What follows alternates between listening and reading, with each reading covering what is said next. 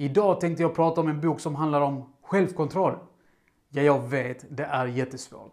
Om ett barn har förmågan att skjuta upp små belöningar för lite större senare är det ett tecken för hur resten av livet formar sig. Kan vi med hjälp av barnens karaktärsdrag förutse hur man som vuxen kommer att hantera olika prövningar i livet? Är framtiden förutbestämd utefter människors genetiskt ärvda egenskaper?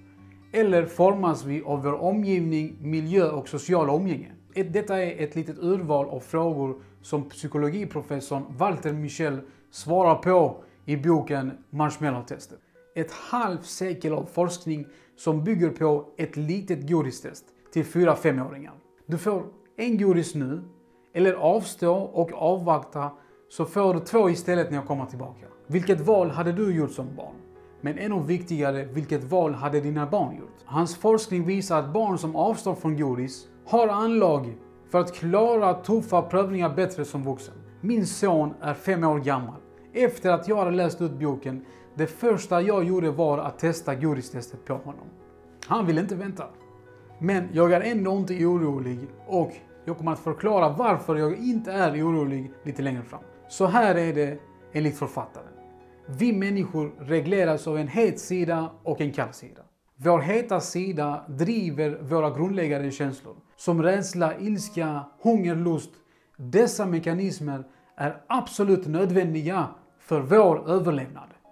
Vår heta sida tänker inte utan den agerar för att skydda oss själva, vår familj och vår egendom mot yttre hot. Vår heta sida är absolut nödvändig för vår överlevnad.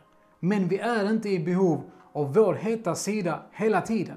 Därför kan den också ställa till det för oss i det vardagliga livet. När vi hoppar av skolan istället för att avsluta det som vi har påbörjat. Impulsköp av materiella ting trots en stram ekonomi. Ta med hetsätning, rökning och destruktiva relationer. Alltså vika för habegäret och lusten med konsekvenser som ofta sätter oss i mental obalans. Därför kan impulsiva handlingar vara väldigt destruktiva när situationen istället kräver mer eftertanke och reflektion, alltså självkontroll. Det är här den kalla sidan kommer in, för att kyla ner våra impulsiva handlingar i det vardagliga livet. En del barn ärver förmågan att hantera självkontroll bättre än andra.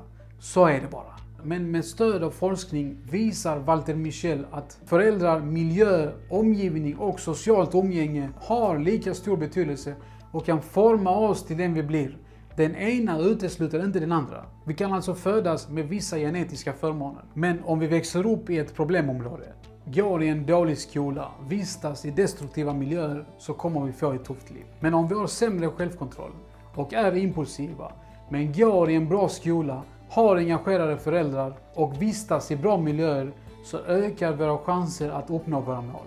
Walter Michel beskriver vikten av att praktisera det du lär ut till dina barn. För annars finns det risk att barnen tar efter där du fuskar. Vår egen motivation reglerar också vår självkontroll. Alltså hur mycket vill vi sluta röka, hur mycket vill vi gå ner i vikt? Men här vill jag faktiskt gå ett steg längre än författaren och säga att dina fallgropar är inte samma som mina. Spelmissbruk, alkohol, droger har aldrig varit stora prövningar för mig. Men det är de för andra. Vi har alla olika prövningar. Han skriver också om psykologiskt immunförsvar.